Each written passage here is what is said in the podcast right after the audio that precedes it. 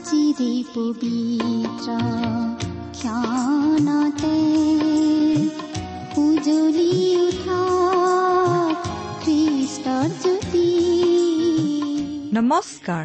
আমাৰ মৰমীয়াল প্ৰভু যীশুৰ মহান নামেৰে আপোনাক এয়া ভক্তিবচন অনুষ্ঠানলৈ আদৰিছো।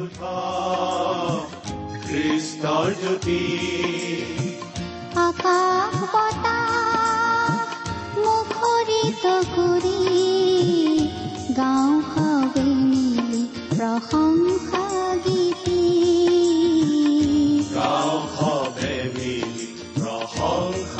গীতি আজিৰে পবিত্ৰ ক্ষণতে উজলি উঠা খ্ৰীষ্টৰ জ্যোতি ঈশ্বৰে আপোনাক যি অসীম প্ৰেম কৰিলে তাক যদি অনুভৱ কৰিব বিচাৰে আৰু তেওঁৰ অগম্য বাক্যৰ মৌ মিঠা সোৱাদ ল'ব বিচাৰে তেন্তে আহক আজিৰ ভক্তিবচন অনুষ্ঠানটো মনোযোগেৰে শুনো।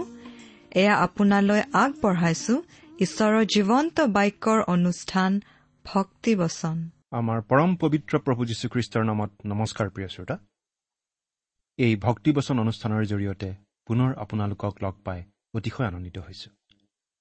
আপুনি যে দহুবন কাটি কৰি ৰেডিঅ'টো পকাই আমাৰ এই অনুষ্ঠান শুনিবলৈ আগ্ৰহ দেখুৱালে। তাৰ দ্বাৰা আচলতে কি প্ৰমাণ হ'ল জানেনে প্ৰিয় শ্ৰোতা? তাৰ দ্বাৰা এই কথা প্ৰমাণ হ'ল যে আপুনি ঈশ্বৰৰ বাক্য শুনি ভাল পায়। ঈশ্বৰৰ প্ৰতি আপোনাৰ শ্ৰদ্ধা ভক্তি আছে। আমাৰ এই অনুষ্ঠানৰ যোগেৰে আমি কেৱল ঈশ্বৰৰ মহান বাক্য বাইবেল শাস্ত্ৰৰ কথাই প্ৰচাৰ কৰোঁ আমাৰ শ্ৰোতাসকলৰ মংগলৰ বাবে।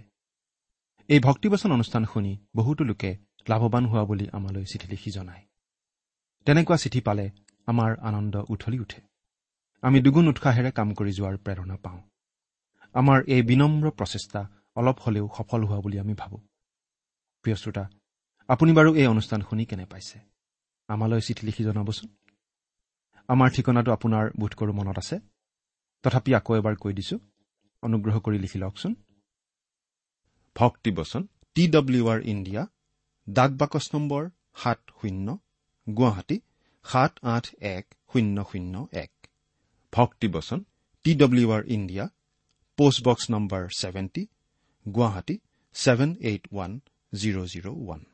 আমাৰ website W W W dot radio' eight eight two dot com আহকচোন আজিৰ বাইবেল অধ্যয়ন আৰম্ভ কৰাৰ আগতে আমি পৰম পিতা পৰমেশ্বৰৰ ওচৰত প্ৰাৰ্থনাত মূৰ্ণত কৰোঁ হওক। আমি প্ৰাৰ্থনা কৰোঁ। স্বৰ্গত থকা আমাৰ অসীম দয়ালু কৰুণাময় পিতা তোমাৰ মহান নামৰ ধন্যবাদ কৰোঁ। সকলো গৌৰৱ প্ৰশংসা তুমিয়েই পাবৰ যোগ্য। এই বিশ্ব ব্ৰহ্মাণ্ডৰ তুমিয়েই গৰাকী। তোমাৰ আগত আমি অতি নগণ্য আমাৰ একো নাই যাৰে আমি তোমাক সন্তুষ্ট কৰিব পাৰোঁ। তুমি পবিত্ৰ আমি অপবিত্ৰ। কিন্তু প্ৰভু তোমাক অশেষ ধন্যবাদ কিয়নো আমাক উদ্ধাৰ কৰিবলৈ তোমাৰ একমাত্ৰ পুত্ৰ যীশুখ্ৰীষ্টকে জগতলৈ পঠালা। আজি তেওঁত বিশ্বাস কৰি আমি সাহেৰে সৈতে তোমাৰ অনুগ্ৰহৰ সিংহাসনৰ আগলৈ আহিব পৰা হৈছো। তোমাক পিতৃ বুলি মাতিব পৰা হৈছো।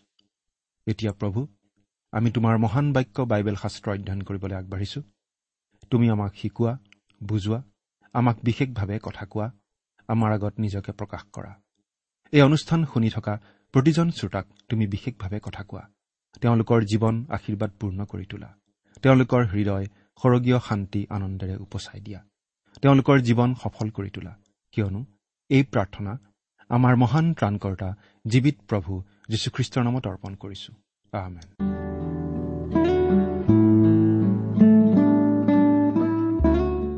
প্ৰিয় শ্ৰোতা আপুনি যদি আমাৰ এই ভক্তিবচন অনুষ্ঠান নিয়মিতভাৱে শুনি আছে তেনেহলে আপুনি নিশ্চয় জানে যে আমি আজি কিছুদিন ধৰি বাইবেলৰ নতুন নিয়ম খণ্ডৰ পিতৰৰ প্ৰথম পত্ৰ বা চমুকৈ প্ৰথম পিতৰ নামৰ পুস্তকখন অধ্যয়ন কৰি আছো।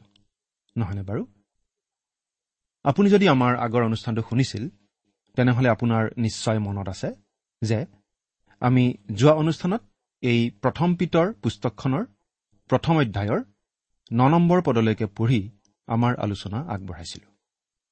গতিকে আজিৰ অনুষ্ঠানত আমি প্ৰথম অধ্যায়ৰ দহ নম্বৰ পদৰ পৰা আমাৰ আলোচনা আৰম্ভ কৰিব খুজিছোঁ।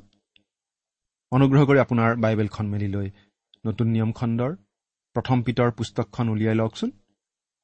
আপোনাৰ লগত যদি বাইবেল নাই আমালৈ লিখিবচোন। আমি গোটেই বাইবেলখন নহ'লেও অন্তত নতুন নিয়ম এখনকে পঠিয়াই দিবলৈ যত্ন কৰিম। আমালৈ লিখিবৰ সময়ত নিজৰ সম্পূৰ্ণ নাম আৰু ঠিকনা স্পষ্টকৈ লিখিবলৈ যেন নাপাহৰে। বাৰু যি কি নহওক এতিয়া বাইবেলৰ পৰা পাঠ কৰি দিব খুজিছোঁ। অনুগ্ৰহ কৰি চাই যাব। আৰু লগত যদি বাইবেল নাই মন দি শুনিব দেই। প্ৰথম পিতৰ প্ৰথম অধ্যায় দহ পদ। ইয়াত এনেদৰে লিখা আছে যি ভাৱবাদীসকলে তোমালোকৰ নিমিত্তে নিৰূপিত অনুগ্ৰহৰ বিষয়ে ভাৱবাণী কৈছিল তেওঁবিলাকে সেই পৰিত্ৰাণৰ বিষয়ে যত্নেৰে বিচাৰ আৰু অনুসন্ধান কৰিছিল।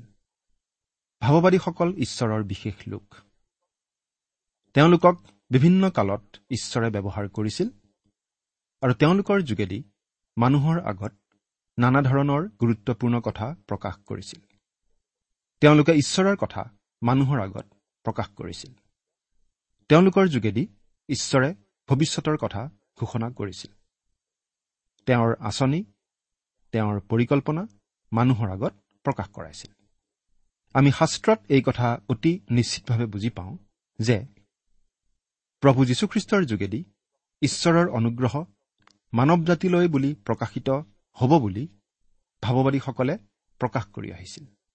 মানৱ জাতিৰ পৰিত্ৰাণৰ বাবে যে প্ৰভু যীশু আহিব সেই কথা ভাৱবাদীসকলে জানিছিল আৰু তেওঁলোকে সেই পৰিত্ৰাণৰ বিষয়ে যত্নেৰে বিচাৰ আৰু অনুসন্ধান কৰিছিল। প্ৰভু যীশুৰ জন্ম এটা আকস্মিক ঘটনা নহয়। ঈশ্বৰৰ মহান আঁচনি অনুসাৰেই সেই জন্ম। ভাৱবাদীসকলে জানিছিল যে স্বয়ং ঈশ্বৰে মানুহৰূপে জন্ম ল'ব প্ৰভু যীশুৰূপে আৰু তেওঁৰ যোগেদিয়েই মানুহৰ পৰিত্ৰাণৰ পথ সিদ্ধ হ'ব। তেওঁলোকে অতি যত্নেৰে সেই সকলো কথা অনুসন্ধান কৰিছিল। ভাৱবাদীসকলে প্ৰভু যীশুক মানৱৰূপে দেখিবলৈ সুবিধা নাপালে। কাৰণ তেওঁলোক তাৰ আগতেই মৃত্যুবৰণ কৰিব লগা হৈছিল। কিন্তু তেওঁলোকে অতি যত্নেৰে প্ৰভু যীশুৰ কথা অনুসন্ধান কৰিছিল। প্ৰিয় শ্ৰোতা আজি আমাৰ আগত সকলো কথা স্পষ্টভাৱে প্ৰকাশিত হৈছে। আমাৰ বাবে সকলো কথা পৰিষ্কাৰভাৱে জনাই দিয়া হৈছে। আমি মাত্ৰ বিশ্বাস কৰি প্ৰভু যীশুক ত্ৰাণকৰ্তা বুলি গ্ৰহণহে কৰিব লাগে। নহয় জানো? এতিয়া এঘাৰ নম্বৰ পদটো পঢ়িম। অৰ্থাৎ তেওঁবিলাকৰ অন্তৰত থকা খ্ৰীষ্টৰ আত্মাই খ্ৰীষ্টৰ নিমিত্তে নিৰূপিত নানা দুখ ভোগ আৰু তাৰ পাছত হ'ব লগা প্ৰভাৱৰ বিষয়ে পূৰ্বে সাক্ষ্য দিয়া কালত কি আৰু কেনেকুৱা কালৰ বিষয়ে জনাইছিল তেওঁবিলাকে তাৰ অনুসন্ধান কৰিছিল। ভাৱবাদীসকলে বিশেষকৈ দুটা কথা কৈছিল। খ্ৰীষ্টৰ দুখ ভোগ অৰ্থাৎ ক্ৰুচীয় মৃত্যু আৰু ঈশ্বৰৰ অনুগ্ৰহৰ কথা। এই কথা বিশেষভাৱে আমি পাওঁ যিচয়া তেপন্ন নম্বৰ অধ্যায় আৰু গীতমালা বাইছ নম্বৰ গীতত আৰু লগতে আন কিছুমান শাস্ত্ৰাংশত। উদাহৰণস্বৰূপে দুখভোগৰ পাছত হ'ব লগা প্ৰভাৱৰ বিষয়ে অৰ্থাৎ খ্ৰীষ্টৰ গৌৰৱ মহিমা প্ৰতাপৰ বিষয়ে আমি পাওঁ। যিচয়া এঘাৰ নম্বৰ অধ্যায় আৰু গীতমালা পঞ্চল্লিছ নম্বৰত। ভাৱবাদীসকলে খ্ৰীষ্টৰ দুখভোগৰ বিষয়ে ভৱিষ্যৎবাণী কৰিছিল।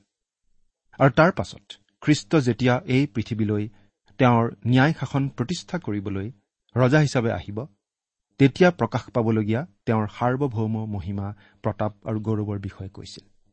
উদাহৰণস্বৰূপে যিচয়া এঘাৰ নম্বৰ অধ্যায়ত আমি এনেদৰে পাওঁ।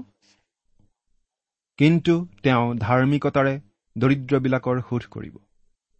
আৰু ন্যায়েৰে পৃথিৱীৰ নম্ৰ লোকবিলাকৰ নিমিত্তে বিচাৰ নিষ্পত্তি কৰিব। আৰু নিজ মুখৰ দণ্ডেৰে পৃথিৱীক প্ৰহাৰ কৰিব। আৰু নিজ ওঠৰ ফুৰে দুষ্টক মাৰিব। ধাৰ্মিকতা তেওঁৰ কঁকালৰ টঙালীস্বৰূপ হ'ব। আৰু বিশ্বস্ততা তেওঁৰ কটিবন্ধন হ'ব। সেইদিনা ৰাং কুকুৰে ভেড়া পোৱালিৰ লগত বাস কৰিব আৰু নাহৰ ফুটুকি বাঘে চাগ পোৱালিৰ লগত শয়ন কৰিব। দামুৰি আৰু যুৱা সিংহ আৰু হৃষ্টপুষ্ট পশু একেলগে থাকিব আৰু এটি সৰু লৰাই সিহঁতক চলাব। গাই গৰু আৰু ভালুকি একেলগে চৰিব। সিহঁতৰ পোৱালীবোৰ একেলগে শুব আৰু সিংহই বলদৰ দৰে ধান খেৰ খাব। আৰু পিয়াহ খোৱা কেঁচুৱাই ফেটি সাপৰ গাঁতৰ ওপৰত ধেমালি কৰিব আৰু পিয়াহ এৰা লৰাই দাইল সাপ থকা গাঁতত হাত দিব। মোৰ গোটেই পবিত্ৰ পৰ্বতত কোনেও কাকো হিংসা বা বিনষ্ট নকৰিব। কিয়নো সমুদ্ৰ যেনেকৈ পানীৰে ঢকা তেনেকৈ পৃথিৱী জিহুৱা বিষয়ক জ্ঞানেৰে পৰিপূৰ্ণ হ'ব।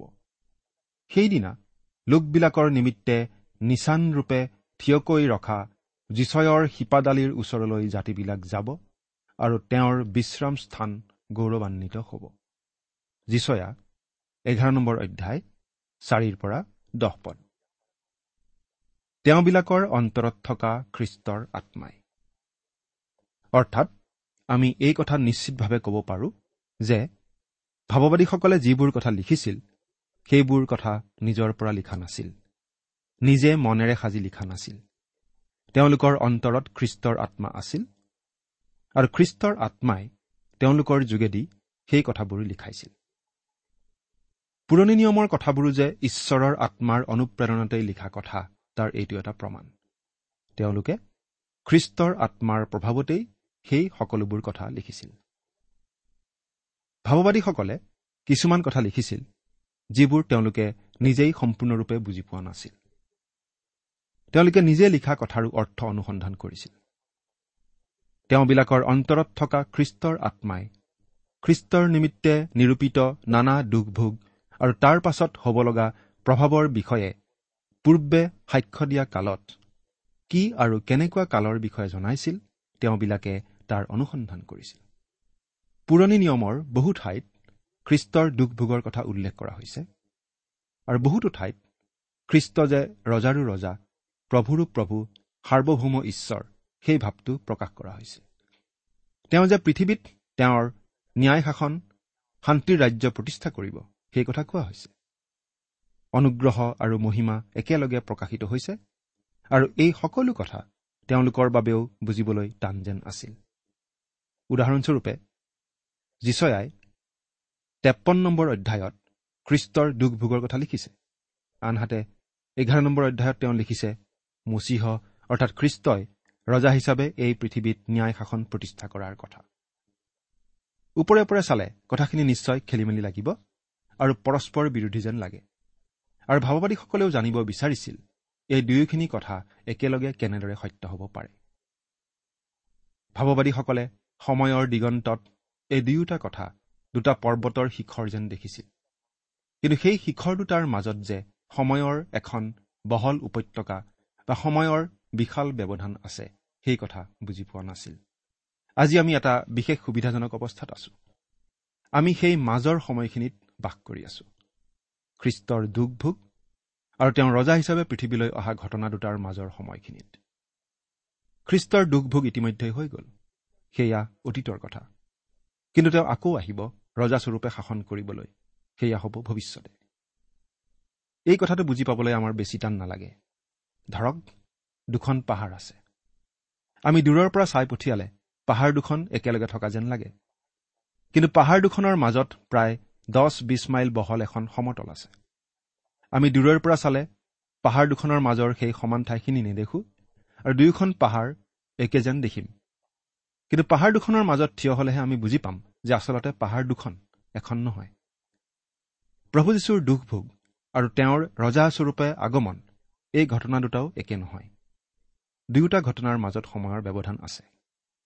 প্ৰভু যীশুৰ দুখ ভোগ আৰু ক্ৰুচীয় মৃত্যুৰ ঘটনাটো ইতিমধ্যেই ঘটি গ'ল। সেয়া প্ৰায় দুহেজাৰ বছৰ আগৰ কথা।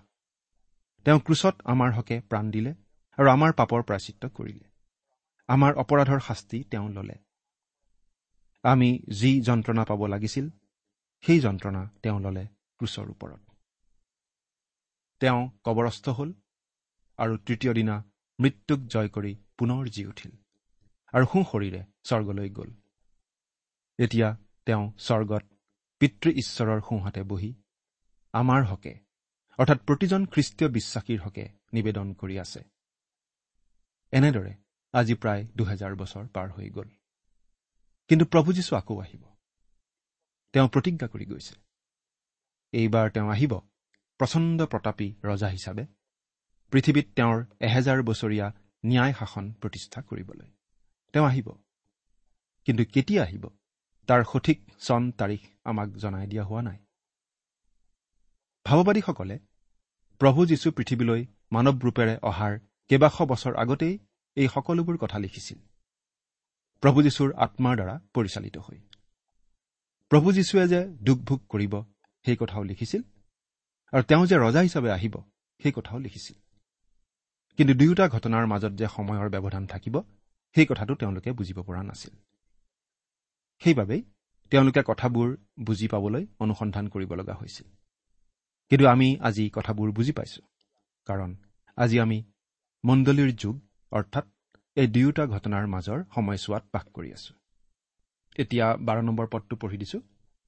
তাতে তেওঁবিলাকলৈ প্ৰকাশিত হ'ল যে তেওঁবিলাকে নিজৰ কাৰণে নহয় কিন্তু তোমালোকৰ কাৰণেই সেই সকলো বিষয়ৰ পৰিচৰ্যা কৰিছিল। সেই সকলোৰ সম্বাদ স্বৰ্গৰ পৰা পঠোৱা পবিত্ৰ আত্মাৰে যিবিলাকে তোমালোকৰ আগত শুভবাৰ্তা প্ৰচাৰ কৰিছিল তেওঁবিলাকৰ দ্বাৰাই সম্প্ৰতি তোমালোকক দিয়া গ'ল। সেই বিষয় স্বৰ্গদূতবিলাকে চাপৰি চাবলৈ আকাংক্ষা কৰিছে। এতিয়া পাচনীসকলে কৈছে যে ভাৱবাদীসকলে যি কথা কৈ গৈছিল সেই কথাই আমি এতিয়া ঘোষণা কৰি আছো। পাৰ্থক্য এটাই যে ভাৱবাদীসকলে দুয়োটা ঘটনাৰ মাজত থকা পাৰ্থক্যৰ কথা বুজি পোৱা নাছিল। কিন্তু পাচনীসকলে কথাবোৰ বুজি পাব পাৰিছিল। প্ৰভু যীশুৰ দুখ ভোগ আৰু ৰজাস্বৰূপে হ'বলগীয়া পুনৰ আগমনৰ ঘটনাৰ মাজত যে পাৰ্থক্য আছে সেই পাৰ্থক্য তেওঁলোকে বুজি পাইছিল। সেই বিষয় স্বৰ্গদূতবিলাকে চাপৰি চাবলৈ আকাংক্ষা কৰিছে। আন কথাত ক'বলৈ গ'লে স্বৰ্গদূতবিলাকে আজি দলে দলে শাৰী পাতি আমালৈ চাই চাই আচৰিত হৈ ভাবি আছে। আমিনো ঈশ্বৰৰ এই মহান আৰু চমকপ্ৰদ আঁচনিৰ কথা এই গৌৰৱময় শুভবাৰ্তাৰ কথা কিয় চিঞৰি চিঞৰি ঘোষণা কৰি ফুৰা নাই? এই ঘোষণাৰ কাম স্বৰ্গদূতসকলে নিজে কৰিবলৈ পালে বেছি ভাল পালেহেঁতেন। তেওঁলোক স্বৰ্গৰ পৰা নামি আহি জগতৰ আগত খ্ৰীষ্টৰ এই শুভবাৰ্তা ঘোষণা কৰিবলৈ পালে খুব ভাল পালেহেঁতেন। আপোনাৰ নিশ্চয় মনত আছে যে গাব্ৰিয়েল দূত আহি প্ৰথমে মৰিয়ম আৰু তাৰ পাছত জোচেফৰ আগত যীশুখ্ৰীষ্টৰ হ'বলগীয়া জন্মৰ বিষয়ে ঘোষণা কৰিছিল।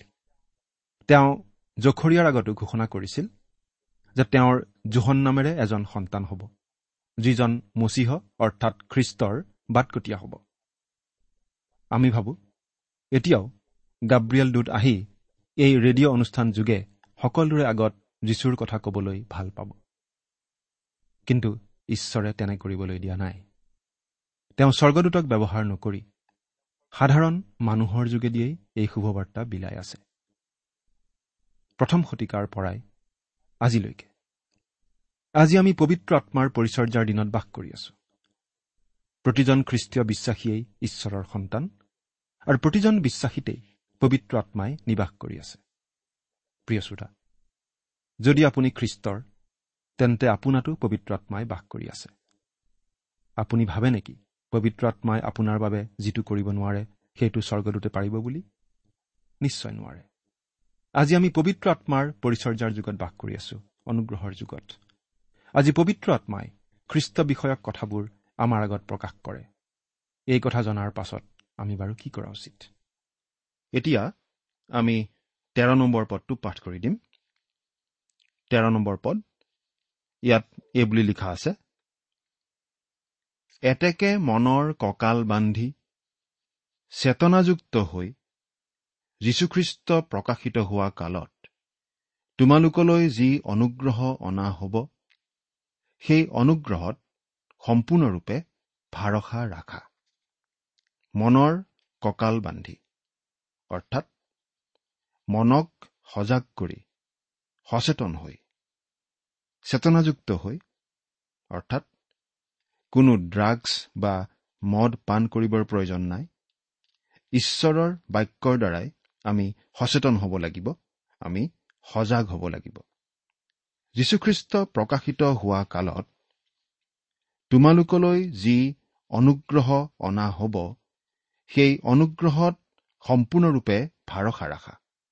প্ৰিয় শ্ৰোতা প্ৰভু যীশুখ্ৰীষ্টই যেতিয়া তেওঁৰ বিশ্বাসী লোকসকলক এই পৃথিৱীৰ পৰা উত্তোলিত কৰি লৈ যাবলৈ আহিব। তেতিয়া প্ৰভু যীশুখ্ৰীষ্টই সীমাহীন অনুগ্ৰহ প্ৰকাশ কৰিব। প্ৰভু যীশুখ্ৰীষ্টৰ অনুগ্ৰহৰ বাবেই আজি আচলতে আমি পৰিত্ৰাণ পাইছো। অনুগ্ৰহৰ বাবেই তেওঁ প্ৰতিজন খ্ৰীষ্টীয় বিশ্বাসীক এই পৃথিৱীৰ পৰা উত্তোলিত কৰি লৈ যাব। কোনো খ্ৰীষ্টীয় বিশ্বাসীকেই তেওঁ পৃথিৱীত এৰি থৈ নাযায়। এই কথাটো আমি মনত ৰখা উচিত। প্ৰভু যীশুখ্ৰীষ্টই যেতিয়া বিচাৰ কৰিব তেতিয়াও তেওঁ অনুগ্ৰহেৰেই বিচাৰ কৰিব। প্ৰভু যীশুখ্ৰীষ্টৰ অনুগ্ৰহ নোহোৱা হলে আচলতে আমি কোনো মানুহেই কোনেও তেওঁৰ আগত মূৰ তুলিবলৈ সাহস নকৰিলোহেঁতেন। আৰু সঁচাকৈ আমি নিশ্চয় সাহস নকৰিম যদিহে প্ৰভু যীশুৰ অনুগ্ৰহ নাথাকে। কাৰণ আমি সকলো মানুহেই পাপী সকলো সমান। যদিও আমি আজিয়েই তেওঁৰ অনুগ্ৰহৰ বলত পৰিত্ৰাণ লাভ কৰিছো কিন্তু সেই সময়তহে আমি প্ৰকৃততে এই কথাটো উপলব্ধি কৰিব পাৰিম সেই অনুগ্ৰহ কিমান মূল্যৱান সেই অনুগ্ৰহ কিমান বিশাল সেই অনুগ্ৰহ কেনে সীমাহীন? আমাৰ বাবে সেই অনুগ্ৰহ কিমান প্ৰয়োজনীয়? এতিয়া আমি চৈধ্য নম্বৰ পদটো পাঠ কৰি দিছো। আজ্ঞাধীন হোৱা সন্তানবিলাকৰ যেনে উপযুক্ত তেনেকৈ তোমালোক পূৰ্বৰ অজ্ঞান অৱস্থাৰ অভিলাষৰ অনুৰূপ নহৈ সন্তানবিলাকক আজ্ঞাধীন হবলৈ বাইবেলত বাৰে বাৰে কোৱা হৈছে। ঈশ্বৰৰ বাক্যই আমালৈ আশাৰ বাতৰি আনে। কিন্তু ঈশ্বৰৰ বাক্যই আমাক আজ্ঞাধীন হবলৈকো সোঁৱৰাই দিয়ে। আমাক বাক্য শুনোতা মাথোন নহৈ পালন কৰোতা হবলৈও কোৱা হৈছে। ঈশ্বৰৰ বাক্য শুনি বুজি আমি পালন কৰিবলৈ আগবাঢ়ি যোৱা উচিত। প্ৰিয় শ্ৰোতা আমাক পূৰ্বৰ অজ্ঞান অৱস্থাৰ অভিলাষৰ অনুৰূপ নহবলৈ কোৱা হৈছে। অৰ্থাৎ আমি প্ৰভু যীশুখ্ৰীষ্টক জনাৰ আগতে যেনেকুৱা আছিলো তেনেকুৱা যাতে হৈ নাথাকো। পূৰ্বৰ অজ্ঞান অৱস্থা মানে প্ৰভু যীশুখ্ৰীষ্টত বিশ্বাস কৰাৰ আগৰ অৱস্থা। প্ৰভু যীশুখ্ৰীষ্টত বিশ্বাস কৰাৰ আগতে আমি যেনেকুৱা ধৰণেৰে জীৱন কটাইছিলো তেনেকুৱা জীৱন আৰু আমি কটোৱা উচিত নহয়। তেতিয়া আমি যেনেকুৱা মাংসিক জাগতিক অভিলাষৰ বশৱৰ্তী হৈ কাম কৰিছিলো প্ৰভু যীশুখ্ৰীষ্টক গ্ৰহণ কৰাৰ পাছত তেনেকুৱা কৰা আৰু উচিত নহয়। খ্ৰীষ্টক ত্ৰাণকৰ্তা বুলি গ্ৰহণ কৰি আমি আত্মিকভাৱে যে নতুন জন্ম পালো আমি যে নতুন হলো সেই কথাটো আমাৰ জীৱনৰ যোগেদি প্ৰকাশ পাই উঠিব লাগে। এই যি পৰিৱৰ্তন এই পৰিৱৰ্তন বাহ্যিক পৰিৱৰ্তন নহয় এই পৰিৱৰ্তন আমাৰ ভিতৰত হ'ব লাগে এই পৰিৱৰ্তন হ'ব লাগে আন্তৰিক পৰিৱৰ্তন ভিতৰৰ পৰা হোৱা পৰিৱৰ্তন। কোনেও জোৰকৈ এই পৰিৱৰ্তন আমাৰ মাজত আনি দিব নোৱাৰে। আমি নিজৰ চেষ্টাৰেও তেনেকুৱা ধৰণে পৰিৱৰ্তিত হ'ব নোৱাৰো। কিন্তু প্ৰভু যীশুখ্ৰীষ্টক ত্ৰাণকৰ্তা বুলি গ্ৰহণ কৰিলে আমি পবিত্ৰ আত্মাৰ যোগেদি আত্মিকভাৱে নতুন জন্ম লাভ কৰোঁ আৰু আমি হৈ পৰো ঈশ্বৰৰ সন্তান আৰু তেতিয়াই আমাৰ আন্তৰিক পৰিৱৰ্তন হয়। আৰু তেতিয়াই আমি লাভ কৰোঁ এটা নতুন স্বভাৱ এটা নতুন প্ৰকৃতি। আৰু সেই নতুন স্বভাৱৰ বশৱৰ্তী হৈ আমি জীৱন কটোৱা উচিত। প্ৰিয় শ্ৰোতা আপুনি বাৰু প্ৰভু যীশুখ্ৰীষ্টৰ শিষ্য হিচাপে নতুন জীৱনৰ আশীৰ্বাদ লাভ কৰি এটা পৰিৱৰ্তিত জীৱন যাপন কৰি আছেনে? আপুনি বাৰু প্ৰভু যীশুখ্ৰীষ্টৰ শিষ্য হিচাপে এই পৃথিৱীত আপোনাৰ জীৱনৰ যোগেদি সাক্ষ্য প্ৰদান কৰি আছেনে? নে আপুনি এতিয়াও আপোনাৰ পুৰণি জীৱনৰ অজ্ঞান অৱস্থাৰ নিচিনাকৈ অভিলাষ পূৰণ কৰিবৰ কাৰণেই জীয়াই আছে। যদিহে আপুনি প্ৰভু যীশুৰ শিষ্য হিচাপে নতুন জীৱনৰ আশীৰ্বাদ লাভ কৰি পৰিৱৰ্তিত জীৱন যাপন কৰা নাই এই মুহূৰ্তৰ পৰাই নকৰে কিয়? ঈশ্বৰে আপোনাক এই মুহূৰ্ততে সহায় কৰিব পাৰে। আপুনি কেৱল আগ্ৰহেৰে তেওঁৰ ওচৰলৈ আহক আৰু আপোনাৰ জীৱন তেওঁৰ হাতত সমৰ্পণ কৰক। ঈশ্বৰে আপোনাক আশীৰ্বাদ কৰক। আহমেন